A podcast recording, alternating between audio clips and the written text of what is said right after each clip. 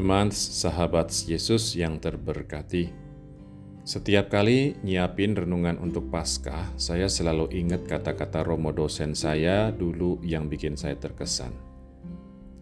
Ini Injil tentang kebangkitan Yesus, tapi Yesusnya nggak ada. Gimana ini? Begitu kurang lebih kata-katanya yang dimaksudkan juga untuk ngajak kami para mahasiswanya untuk mikir dan merenung teman-teman yang dikasihi Tuhan. Itulah yang kita temuin di Injil hari ini atau malam ini. Lukas cerita kalau perempuan-perempuan murid Yesus pergi ke makam nyari jenazah Yesus. Sampai di makam, beneran jenazah Yesus nggak ada. Mereka malah ketemu dua pemuda yang barangkali malaikat-malaikat yang nongol tiba-tiba dan bikin mereka kaget. Dua malaikat itu bilang gini, Mengapa kamu mencari yang hidup di antara orang mati? Dia tidak lagi di sini, dia sudah bangkit. Ingatlah akan perkataan yang telah disampaikannya kepadamu. Putra manusia harus diserahkan ke tangan orang berdosa, disalibkan, dan bangkit pada hari ketiga. Sahabat kekasih Allah. Yesus yang dikenal perempuan-perempuan itu adalah manusia Yesus.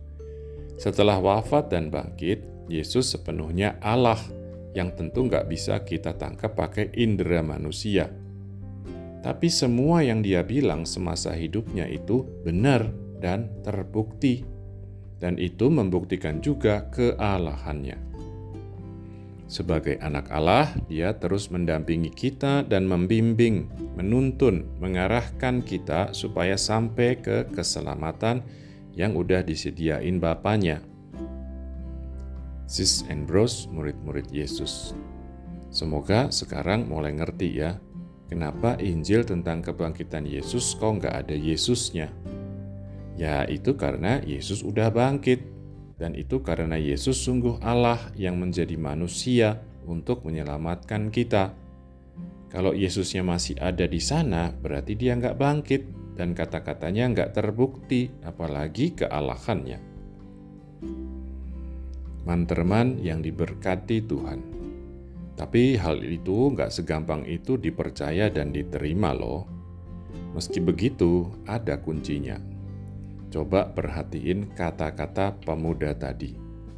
Ingatlah akan perkataan yang telah disampaikannya kepadamu. Perintahnya adalah ingatlah. Kita bisa ingat cuman kalau kita pernah tahu, ya gak? Kita bisa tahu cuman kalau pernah dikasih tahu, pernah dengar, atau pernah baca, ya gak? Perempuan-perempuan itu disuruh ngingat karena mereka pernah tahu, dan itu karena mereka pernah hidup dan bergaul sama Yesus. Jadi, taunya mereka pasti bukan cuman ala kadarnya, bukan asal tahu atau atau sambil lalu gitu aja. Besti-besti Yesus yang berbahagia. Mungkin kalian pernah ngalamin kayak sendirian, nyari Tuhan tapi kayak dia nggak dengerin doa kalian. Bahkan kayak nggak peduli. Kayak dia nggak ada. Seperti yang pernah saya bilang, dalam situasi kayak gitu, masalahnya nggak pernah ada di Tuhan, tapi selalu di kita. Kata-kata malaikat tadi bisa jadi inspirasi buat kita.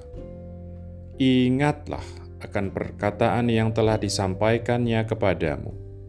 Perkataan yang mana? perkataan apa, bisa mana aja, bisa apa aja. Yang mendasar adalah, bisakah kamu ingat salah satu aja?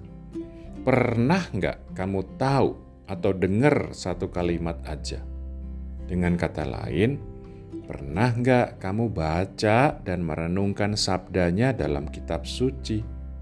Apakah kamu nyediain waktu untuk hidup dan bergaul sama Yesus sehingga bisa lebih dari sekadar tahu tentang kata-katanya dan bisa ingat juga di waktu-waktu kamu ngerasa sendirian, kesulitan, butuh bantuan.